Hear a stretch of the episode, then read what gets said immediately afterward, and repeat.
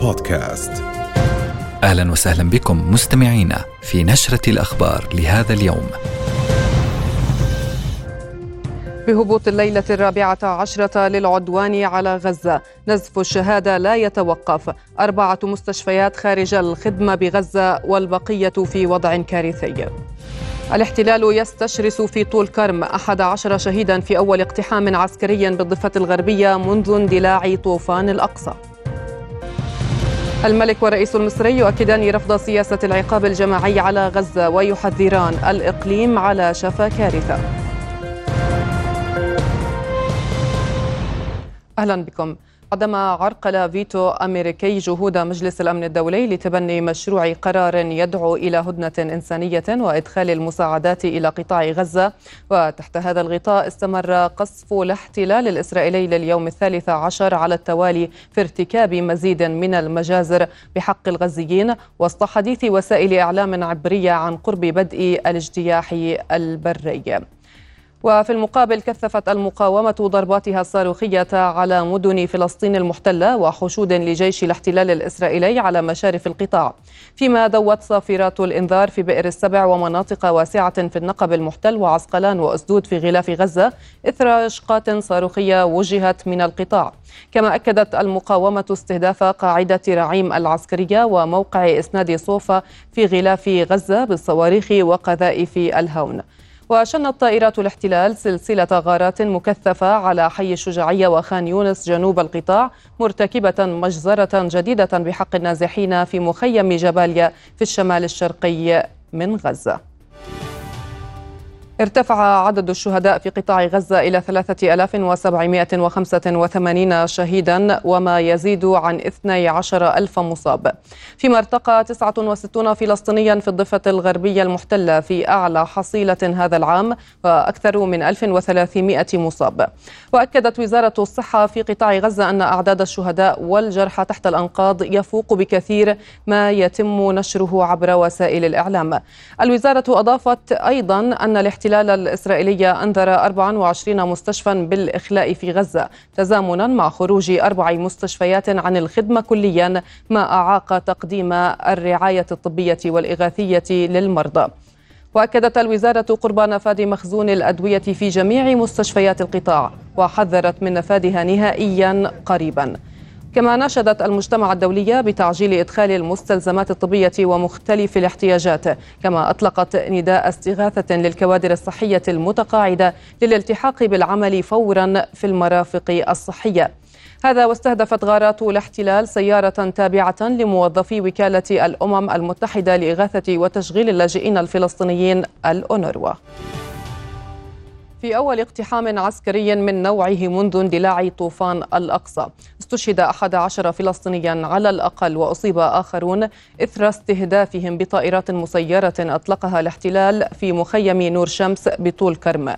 في فيما دمرت أيضا جرافات الاحتلال البنية التحتية في المخيم بعد محاصرته منذ ساعات فجر هذا اليوم. وتواصل قوات الاحتلال اقتحامها للمخيم على وقع اشتباكات بين مسلحين وقوات الاحتلال في عدة أحياء بالمخيم. ومن جانبه قال رئيس اللجنة الشعبية للخدمات في مخيم نور شمس طه الإيراني. قال إن قوات الاحتلال دفعت بتعزيزات كبيرة من آلياتها إلى المخيم ونشرت القناصة داخل البنايات المرتفعة وفرضت حصارا مشددا على المخيم. كما نفذت عددا من الاعتقالات. وأفاد مراسل رؤيا بإصابة عشرة جنود من الاحتلال الإسرائيلي في المخيم بانفجار عبوة ناسفة أحدهم من أفراد وحدة المستعربين. شيعت محافظة رام الله اليوم جثماني الشهيدين محمد فواقة وجبريل عوض الذين ارتقيا برصاص قوات الاحتلال الإسرائيلي. الشهيد عوض ارتقى فجر اليوم عقب اندلاع مواجهات في قرية بدرس فيما استشهد محمد فواقة مساء أمس إثر إصابة حرجة خلال هجوم لمستوطنين بحماية قوات الاحتلال الإسرائيلي على منطقة العيون في قرية دور القرع. وندد المشاركون في التشييع بجرائم الاحتلال بحق الفلسطينيين داعين إلى تعزيز الوحدة الوطنية والتصدي للاحتلال. تظاهر العشرات في مدينة رام الله بالضفة الغربية المحتلة تنديدا بما يقترفه الاحتلال الإسرائيلي من مجازر بحق أهالي قطاع غزة. هذا ورفع المتظاهرون العلم الفلسطيني ولافتات تستنكر جرائم الاحتلال وتطالب بوقفها بشكل فوري. ورددوا هتافات تندد بمخطط الاحتلال الرامي إلى تهجير أبناء قطاع غزة. مؤكدين حقهم في الحرية والاستقلال والوحدة الوطنية.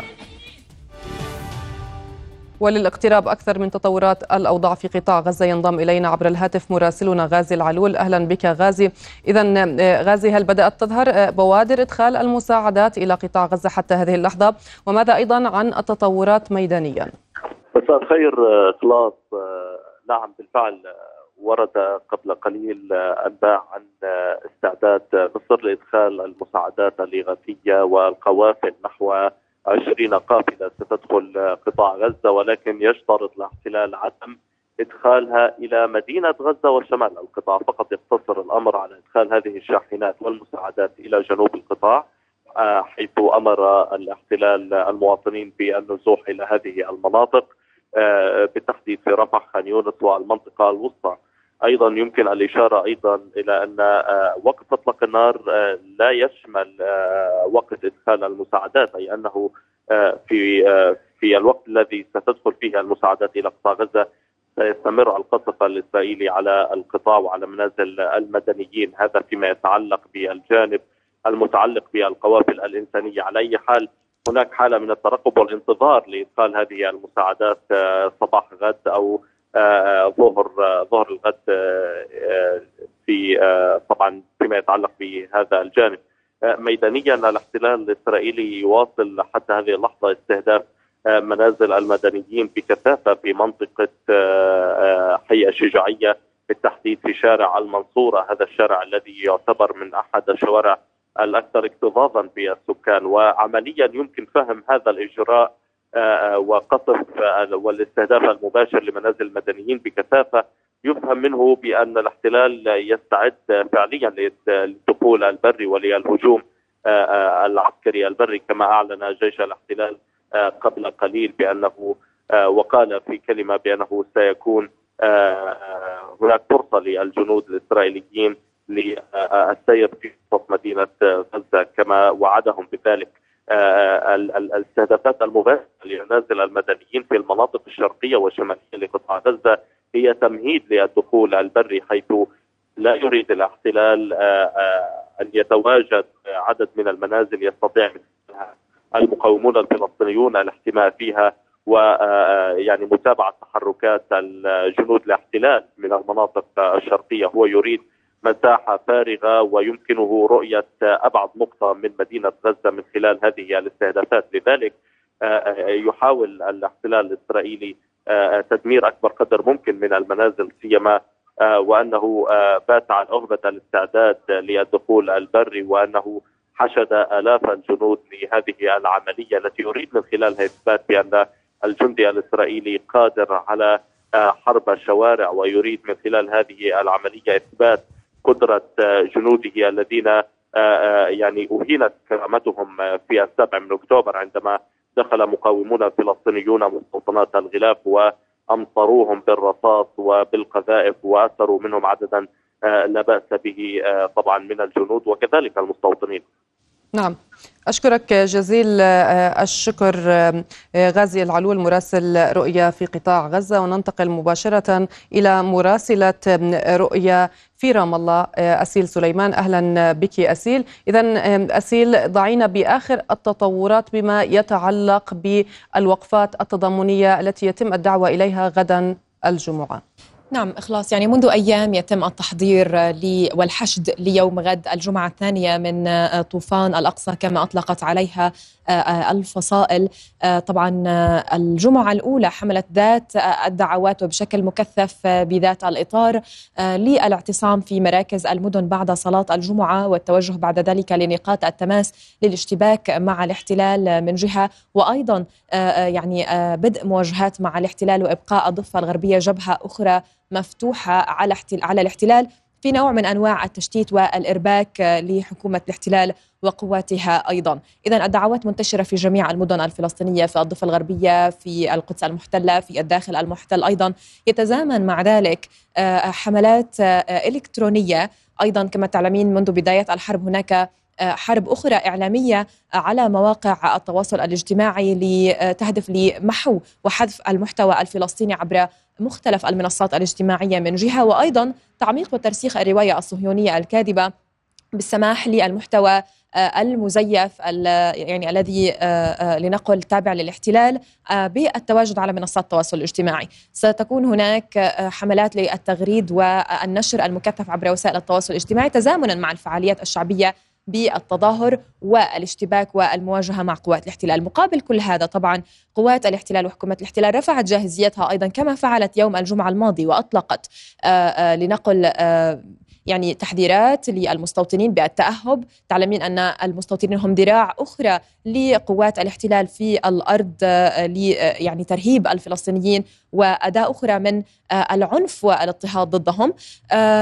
هي يعني من جهة أطلقت هذا التحذير للمستوطنين بالتنبه ومن جهة أخرى قامت ب لنقل رفع تأهب قدراتها العسكرية وجنودها في جميع أنحاء الضفة الغربية. يوم الجمعة الماضي كان هناك إرسال وتعزيز لأكثر من ثلاثة ألاف جندي إضافي إلى الضفة الغربية. تأهبا واستعدادا لأي مواجهات ممكن أن تحصل في يوم الجمعة الأولى لطوفان الأقصى وأيضا استعدادا لأي عمليات فدائية مسلحة قد تتم داخل المدن الفلسطينية. نعم أسيل كيف ترصدين ردود فعل الحراك حول الحراك الدبلوماسي مؤخرا في تل أبيب وخاصة بعد زيارة رئيس الوزراء البريطاني؟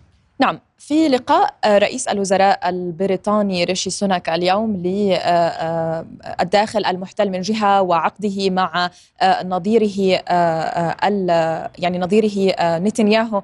مؤتمرا تحدث فيه عن آخر الأوضاع. يعني الطرفين كان لقاء تبرز فيه أو برزت فيه التعاون بين الطرفين، نتنياهو وجه رسائل أدان فيها ما تفعله حماس ووصفها بالإرهاب وأنها تقتل المدنيين وتستهدف الأطفال. وأيضا لمح بشكل أو بآخر إلى مسؤوليتها عن اتخاذ المدنيين في قطاع غزة كدروع بشرية للاحتماء فيها وتنفيذ ضرباتها العسكرية كما يدعي.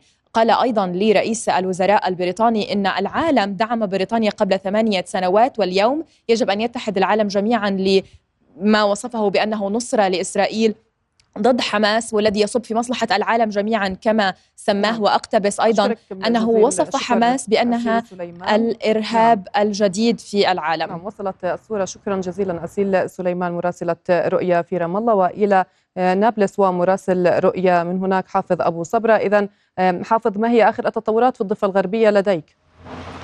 نعم أنا لست في نابلس أنا على الطريق الواصل بين نابلس وطول كرم حيث يستمر الاحتلال في عمليته العسكرية وعدوانه واجتياحه لمخيم نور شمس ومحيط هذا المخيم إلى الشرق من مدينة طول كرم. انسحبنا من هناك نتيجة لخطورة الأوضاع في ظل الظلام الدامس واعتلاء القناصة لمحيط المباني المحيطة بمخيم نور شمس وامتداد حالة العدوان صوب مدخل مخيم طول كرم إلى الغرب داخل مدينة طول كرم العدوان الذي خلف حتى هذه اللحظة 12 شهيدا ودمر البنية التحتية داخل مخيم نور شمس في مشهد هو يتكرر للمرة الرابعة خلال الشهور الثلاثة الأخيرة ولكن بوقع أكبر وبعملية تدمير أكثر طالت الساحة الرئيسية مقر النادي الرياضي مسجد أبو بكر الذي حوصر داخل جثامين خمسة شهداء وخمسة أحياء مدنيين عزل قال الاحتلال وفقا لمقطع فيديو نشره بأنه استهدف بطائرات انتحارية محيط المسجد وقبل ذلك استهدف مقاتلين ومقاومين داخل مخيم نور شمس في محيط المسجد. الاستهداف بالطائرة الانتحارية الأولى أسفر عن استشهاد 11 فلسطيني جلهم من الأطفال والمدنيين. وصل جثامين وصل جثامين ستة منهم إلى مستشفى ثابت ثابت الحكومي في مشهد عالي التوتر وسط عدم معرفة عدد كبير من الأهالي لمصير أبنائهم فيما أمر بإخلاء طواقم الهلال الأحمر الفلسطيني من داخل المخيم بعد أن كان يضيق عليها, عليها ويمنعها من ممارسة مهامها في إنقاذ حياة المصابين ونقلهم إلى خارج المخيم صوب مستشفى ثابت ثابت الحكومي. الأوضاع جد متوترة آه، آه، إخلاص. نتحدث عن آه، عملية عسكرية. قال الجنود بأنها ستستمر لساعات ولربما لأيام. تهدف وفق بيان جيش الاحتلال للقضاء على الخلايا المقاومة داخل مخيم نور شمس والفلسطينيون يقرؤون المشهد على أنه بداية لعملية عسكرية ستنطلق صوب مخيمات شمال الضفة الغربية لربما مخيم بلاطة في نابلس ومخيم عسكر أيضا في ذات المدينة. هما وجهة مقبلة لعدوان كهذا وقد يكون مخيم جنين أيضا في عين عاصفة الحملة العسكرية الإسرائيلية التي تهدف للقضاء على مجموعات مقاومة مسلحة تنتشر في مناطق شمال الضفة الغربية وتستهدف الاحتلال سواء خلال اقتحاماته لمراكز المدن والمخيمات أو حتى على الحواجز العسكرية وفي المستوطنات المحيطة وعند جدار الفصل العنصري. عملية عسكرية كبيرة بدأت مع الثالثة فجرا. نتحدث حتى هذه اللحظة وفقا للمصادر الطبية الفلسطينية ووزارة الصحة وطواقم الهلال الأحمر الفلسطيني عن ما يقارب 27 إصابة. هناك إصابات بينها وصفت بالحرجة إضافة لشهداء الاثني عشر والذين كان أولهم الطفل طه 16 عاما أصيب بالرصاص حاول والده إنقاذه فأطلق نعم. عليه الجنود الرصاص وأصابوه أيضا استطاع الأهالي سحب الوالد المصاب ولم يستطيعوا سحب آه، آه، الشاب أو الفتى طه الذي ظل ينزف لساعة كاملة حتى ارتقى مع بدء هذا العدوان عند الساعة الخامسة من فجر اليوم. ساعات طويلة حقيقة من العدوان تمر على مخيم نور شمس والسكان في حالة من منع التجول ومنع المواطنين هناك من الخروج من منازلهم. محاصرين كل داخل منزله في ظل انتشار كبير نعم للجنود. أكثر من 400 جندي كقوة راجلة تحيط بالمخيم نعم. إضافة للقناصة في كل الأبنية المرتفعة في محيطه. ونتحدث عن حافظ أبو صبرا نعم. مراسل آه، رؤيا في فلسطين. شكرا جزيلا لك. إذا في مشهد يعيد لنا ذكريات مسلسل التغريبة الفلسطينية. ها هم الغزيون يجبرون أو يجبرون على الهجرة بحثا عن الأمان والهرب من قصف الاحتلال الإجرامي. المزيد في هذا التقرير. أجبر الغزيون مرة أخرى على الهجرة. في هذا المكان التابع لوكالة غوث وتشغيل اللاجئين الفلسطينيين الأونوروا والمسمى بمركز تدريب خان يونس. تقطن آلاف العائلات نحو ثلاثين ألف فرد من الفلسطينيين صنعوا خياما ويجلسون فيها الآن منتظرين أن تنتهي هذه الحرب. جاءوا هنا معتقدين بأن هذا المكان آمن. ما فيش كهرب ما فيش مية ما فيش مية حلوة. ادنى مقومات الحياة ما فيش. إيه الأطفال ما فيش مأكل. طبعا بيجيبوا لنا معلبات تونة. إيه طبعا هذه لا لا لا, لا تغني ولا تسد من جوع على الفاضي. فيش ما نعرفش ننام قاعدين على كراسي بننام على كراسي تصور هذه الخيمة فيها 30 واحد. هذه الخيمة فيها 30 واحد. فبيضطروا انهم يعني يناموا على الكراسي يقعدوا على الكراسي. فرضت الحرب المستمرة على قطاع غزة الهجرة على الغزيين مجددا. لكن هذه المرة بمأساة ومعاناة أكبر. رحلة الهجرة هذه كانت من المخيمات إلى الخيام. ضمن سلسلة زيارات لمسؤولين دوليين إلى الكيان المحتل عقب عدوانه على قطاع غزة. أجرى رئيس الوزراء البريطاني ريشي سوناك في تل أبيب مباحثات مع رئيس الاحتلال الإسرائيلي إسحاق هرزوغ ورئيس الوزراء بنيامين نتنياهو. وشدد الطرفان على ضرورة منع أي تصعيد إقليمي للصراع وعلى أهمية استعادة السلام والاستقرار في المنطقة. سوناك وصف عملية طوفان غزة التي شنتها حركة حماس في السابع من تشرين الأول أكتوبر بأنها عمل إرهابي لا يوصف. ومن المفترض أن يتوجه سوناك إلى السعودية اليوم بحسب المتحدث باسم رئيس الوزراء البريطاني حيث سيلتقي بولي العهد الأمير محمد بن سلمان. دعت حركة حماس إلى مواصلة النفير نصرة لقطاع غزة في ظل حرب الإبادة الجماعية التي يرتكبها الاحتلال ضد أبناء الشعب الفلسطيني. هذا وحثت الحركة في بيان صحفي إلى الاعتكاف يوم غد في المسجد الأقصى المبارك انتقاما لدماء الشهداء في قطاع غزة وانتصارا للقدس والأقصى. وطالبت حركة المقاومة الفلسطينية مدن وعواصم العالم تكثيف التضامن مع الفلسطينيين في قطاع غزة إدانة للجرائم التي ترتكب ضد الأطفال والنساء والمدنيين العزل.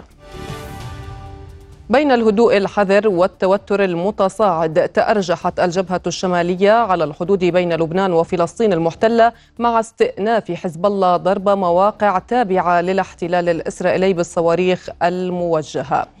حزب الله أعلن عن استهداف أكثر من خمسة مواقع عسكرية تابعة للاحتلال محققا فيها إصابات مباشرة. من جهته رد الاحتلال بقصف مكثف على قرى في جنوب لبنان في علم الشعب وعيت الشعب وبيت ليف ومروحين ورامية والناقورة. وأعلن جيش الاحتلال أيضا أن قواته رصدت إطلاق ستة صواريخ في الجليل خمسة منها سقطت في أماكن مفتوحة والسادس تم اعتراضه.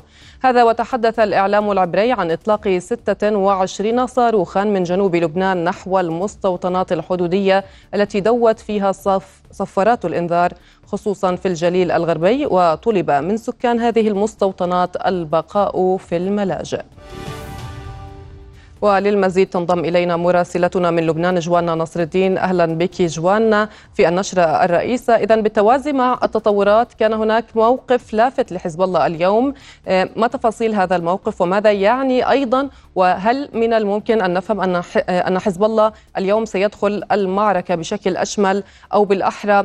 آه، ما الذي سيدفعه إلى توسيع رقعة الحرب وعملياته؟ نعم مساء الخير إخلاص. اولا دعيني أقول أنه يمكن تصنيف الوضع على الحدود اللبنانية الفلسطينية الآن بالحساس جدا وشديد آه، آه، الخطورة صحيح أنها أقل من حرب تتصاعد حينا وتهدأ أحيانا أخرى قد تكون معارك إشغال للعدو الإسرائيلي على جبهته الشمالية. وإن كانت مصادر مطلعة اعتبرت بما حصل اليوم خرقا لقواعد الاشتباك خصوصا وان كتائب عز الدين القسام تبنت إطلاق أكثر من 20 صاروخا على آه، آه، على المستوطنات الإسرائيلية على عكس صواريخ حزب الله الموجهة نحو مواقع عسكرية وبالتالي بانتظار الرد الإسرائيلي وعلى أساسه يمكن الحكم على حال قواعد الاشتباك، أما بالنسبة لموقف حزب الله هو آه، في الواقع موقف صدر عن كتلة الوفاء للمقاومة التابعه لحزب الله. التي اعتبرت أن المقاومة لا تستطيع أن تقف مكتوفة الأيدي تجاه أي خرق إسرائيلي ومن واجبها أن تتصدى للاعتداءات الإسرائيلية. واعتبرت أن تحشيد الجيش الإسرائيلي لقواته ضد غزة يمثل شكلا من التهديد للبنان. يجب عدم التهاون إزاءه، ماذا يمكن أن نفهم آه، آه، من هذا الكلام؟ آه، اولا بحسب المعلومات التي لدينا أن هناك غرفة عمليات مشتركة مع فصائل المقاومة وقوى محور المقاومة تعمل بشكل مستمر ومكثف وبتنسيق تام. يجري تبادل المعطيات ويتم التوافق على الخطوات المفترض اتباعها إن كان على جبهة لبنان وإن كان على جبهة فلسطين. وأن العمل الميداني في الساحتين بات يعني رهن ما تقرره غرفة العمليات وربطا بالوضع على الأرض وبالخطوات السياسية القائمة.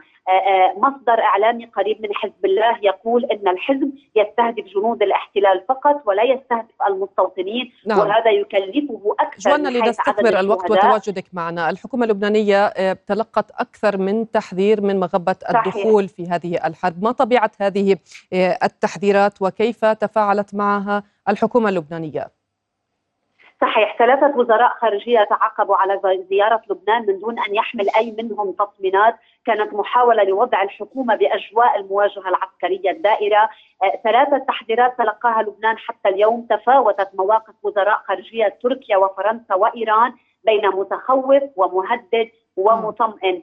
آه، آه، وبالتالي آه، رئيس الحكومة أعاد اليوم التأكيد بأنه واصل إجراء اتصالاته ولقاءاته الدبلوماسية وقال إن ما يحصل في الجنوب يجب التوقف عنده ويجب أن تقوم كل الدول بالضغط اللازم لوقف الاستفزازات والتعديات الإسرائيلية على لبنان. وبالتالي يعني كل المساعي هي فقط مساعي دبلوماسية لتجنيب لبنان. لهذه نعم الحرب والنقاط قال إن حساسية الضرب تقتضي مقاربة حكيمة لكل الأوضاع ولا مصلحة للبنان لأحد في التعدي على البعثات الدبلوماسية لأننا في أمس الحاجة إلى تفاهم نعم. خارجي للوضع اللبناني. الشكر رجوان نصر الدين مراسلة رؤيا في لبنان. شكرا جزيلا لك. إذا تنتظر قرابة 150 شاحنة محملة بمساعدات أمام معبر رفح ومئات في مدينة العريش لدخولها إلى قطاع غزة بعد إعلان عن اتفاق مصري أمريكي على إدخالها بشكل مستدام. بيان القاهرة بشأن اتفاق الرئيسين المصري عبد الفتاح السيسي والأمريكي جو بايدن أن دخول المساعدات للقطاع سيكون على مراحل. الأولى تشمل 20 شاحنة عبر معبر رفح دون أن يحدد موعدا. وأما سائقو الشاحنات حذروا من تلف المواد الغذائية في حال طال الانتظار لدخولها إلى قطاع غزة فيما حذرت منظمة الصحة العالمية من كارثة إنسانية في القطاع. الرئيس الأمريكي توقع في تصريحات تعبر هذه الشاحنات قبل يوم الجمعة على الأرجح لحاجة الطريق حول معبر رفح إلى إصلاحات؟ هذا وتعرض المعبر الوحيد لقطاع غزة إلى العالم الخارجي وغير الخاضع لسيطرة الاحتلال للقصف أربع مرات ما دفع الجانب المصري إلى إغلاقه مؤقتا وإجلاء الموظفين. وسط الركام والشوارع المدمرة يبحث أهالي القطاع المنكوب عن بدائل بطرق تقليدية لتأمين احتياجاتهم الأساسية وسط فشل الجهود الدبلوماسية لإدخال المساعدات الإنسانية منذ بدء العدوان الغاشم على القطاع. خلال لقائهما في القاهرة جدد جلالة الملك عبد الله الثاني والرئيس المصري عبد الفتاح السيسي التأكيد على موقف البلدين الموحد الرافض لسياسة العقاب الجماعي من حصار أو تجويع أو تهجير للأشقاء في قطاع غزة. وشدد الزعيمان في مباحثات ثنائية على رفض أي محاولة للتهجير القسري إلى الأردن أو مصر كما جدد التأكيد على ضرورة الوقف الفوري للحرب على غزة وحماية المدنيين ورفع الحصار وإيصال المساعدات الإنسانية إلى الأهل هناك. وأكد الزعيمان أن استمرار الحرب واتساعها سينقل المنطقة إلى منزلق خطير ينذر الإقليم بكارثة تخشى عواقبها. بات خطر التهجير العنوان العريض للموقف الرسمي العربي لا سيما عمان والقاهرة. ما يزيد من تعقيد ملف الصراع ويبدد المخاوف من تغريبة فلسطينية جديدة. عن اليوم التالي حرب مستعرة وأعداد الشهداء من أربع خانات وليس ثمة ما يلوح في أفق خفض التصعيد. الحرب البرية على الأبواب. أما مواجهة مخططات التهجير فتلك مهمة عربية. يبدو أنها ستكون عنوان صراع سياسي طويل. تغربة فلسطينية جديدة سردية إسرائيلية تستحضر ذاكرة طالما أراد الفلسطينيون والعرب نسيانها. هو مخطط جيورا آيلاند رئيس قسم التخطيط ومجلس الأمن القومي في جيش الاحتلال مضمون المخطط تهجير أهالي غزة إلى عمق سيناء المصرية فيما تتعاظم المخاوف من سيناريو تهجير فلسطيني الضفة الغربية إلى الأردن. لم تكن مجزرة المستشفى المعمداني إلا رسالة إسرائيلية بأن لا مكان آمنا للفلسطينيين. ما انعكس غليانا في الخطاب السياسي للأردن ومصر. أي محاولة لتهجير الفلسطينيين من الضفة الغربية سيرى إليه الأردن كله أنه إعلان حرب. وأكدت أن مصر ترفض تصفية القضية الفلسطينية بالأدوات العسكرية أو أي محاولات لتهجير الفلسطينيين قسريا من أرضهم أو أن يأتي ذلك على حساب دول المنطقة. وأكدت في هذا الصدد أن مصر ستظل على موقفها الداعم للحق الفلسطيني المشروع في أرضه ونضال الشعب الفلسطيني. تخير بين الموت تحت قصف الاحتلال أو النزوح باتجاه عمق سيناء. خياران مران لا ثالث لهما. فما كان مستبعدا وقع. الاحتلال أخذ الضوء الأخضر من الولايات المتحدة والغرب بتهجير سكان غزة مجبرين منذ أمطر القطاع بمنشورات ضرورة النزوح.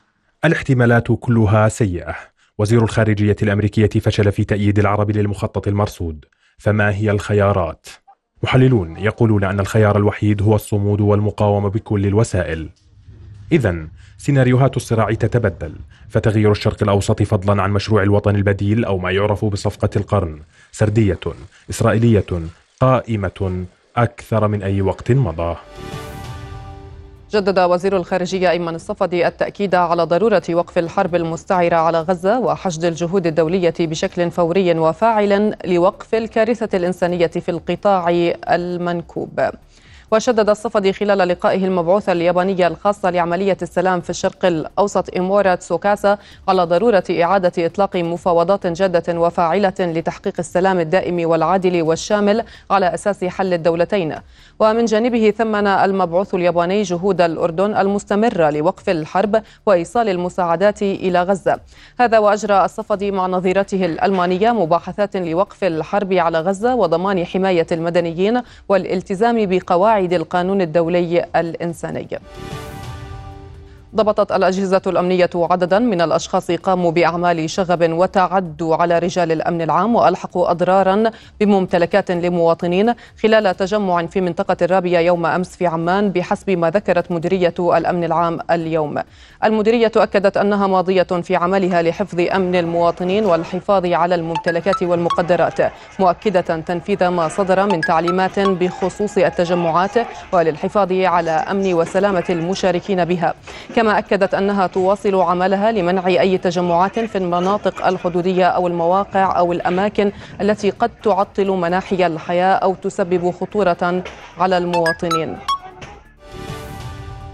لا يزال الشارع الأردني ينظم وقفات ومسيرات في شوارع العاصمة عمان ومختلف محافظات المملكة تنديدا بجرائم الاحتلال على قطاع غزة ودعما للفلسطينيين. وأنتقل الآن إلى منطقة الرابية بمراسل رؤيا إسماعيل السلاوي أهلا بك إسماعيل. إسماعيل ضعنا بصورة ما يحدث الآن في منطقة أرابيا حيث هذه الوقفة التضامنية. آه، عدد المشاركين وأيضا آه، اللافتات التي آه، يرفعها المشاركون وما هي المطالب وأين أنت تحديدا في الرابية؟ نعم أنا في في ساحة الكالوتي مسجد الكالوتي. هذه الساحة الرمز التي تعتبر اليوم للشعب الأردني. كلما كان هناك عدوان وكلما آه، اعتدى الصهاينة على إخواننا في فلسطين آه، تحتشد من خلفنا المئات. اليوم حرق العلم الإسرائيلي الذي رمده عبر الأرض آه، في هذا المكان في هذه الساحة. اتسمت اليوم الوقفة بالاتزان بالانتظام. لم تخرج خارج حدود الساحة من خلفي المشاهد من خلفنا بدأت عند الساعة السادسة والنصف ومستمرة حتى هذه اللحظة. الأعداد يعني أنا أنا أعتقد بأنها مئات أكثر من 500 آه، شخص من العوائل من الأطفال آه، كبار السن الكل يشارك اليوم. اليوم كانت آه، يعني مقارنة ربما بوقفات أخرى كانت وقفة جيدة. وسائل الإعلام العربية الأردنية والعالمية تنقل أيضا من هذا المكان من الكالوتي هذا الرمز والذي يعني يعتبر المكان الأقرب الذي يمكن للمواطنين نعم أن يقفوا فيه بالنسبة لسفارة الكيان التي هي فارغة الآن بناء على آه، طبعا ما أخرجته آه، خارجية الاحتلال بأنها أفرغت آه، السفارات نعم في الأردن بحرين تركيا المغرب العربي ومصر.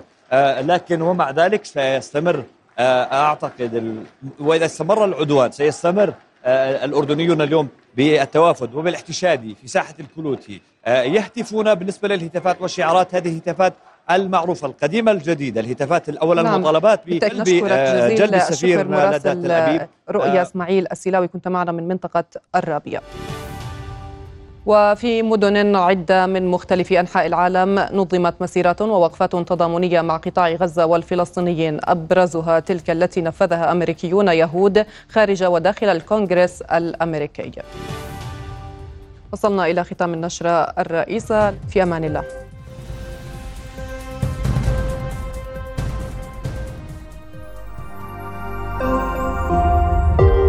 رؤيا بودكاست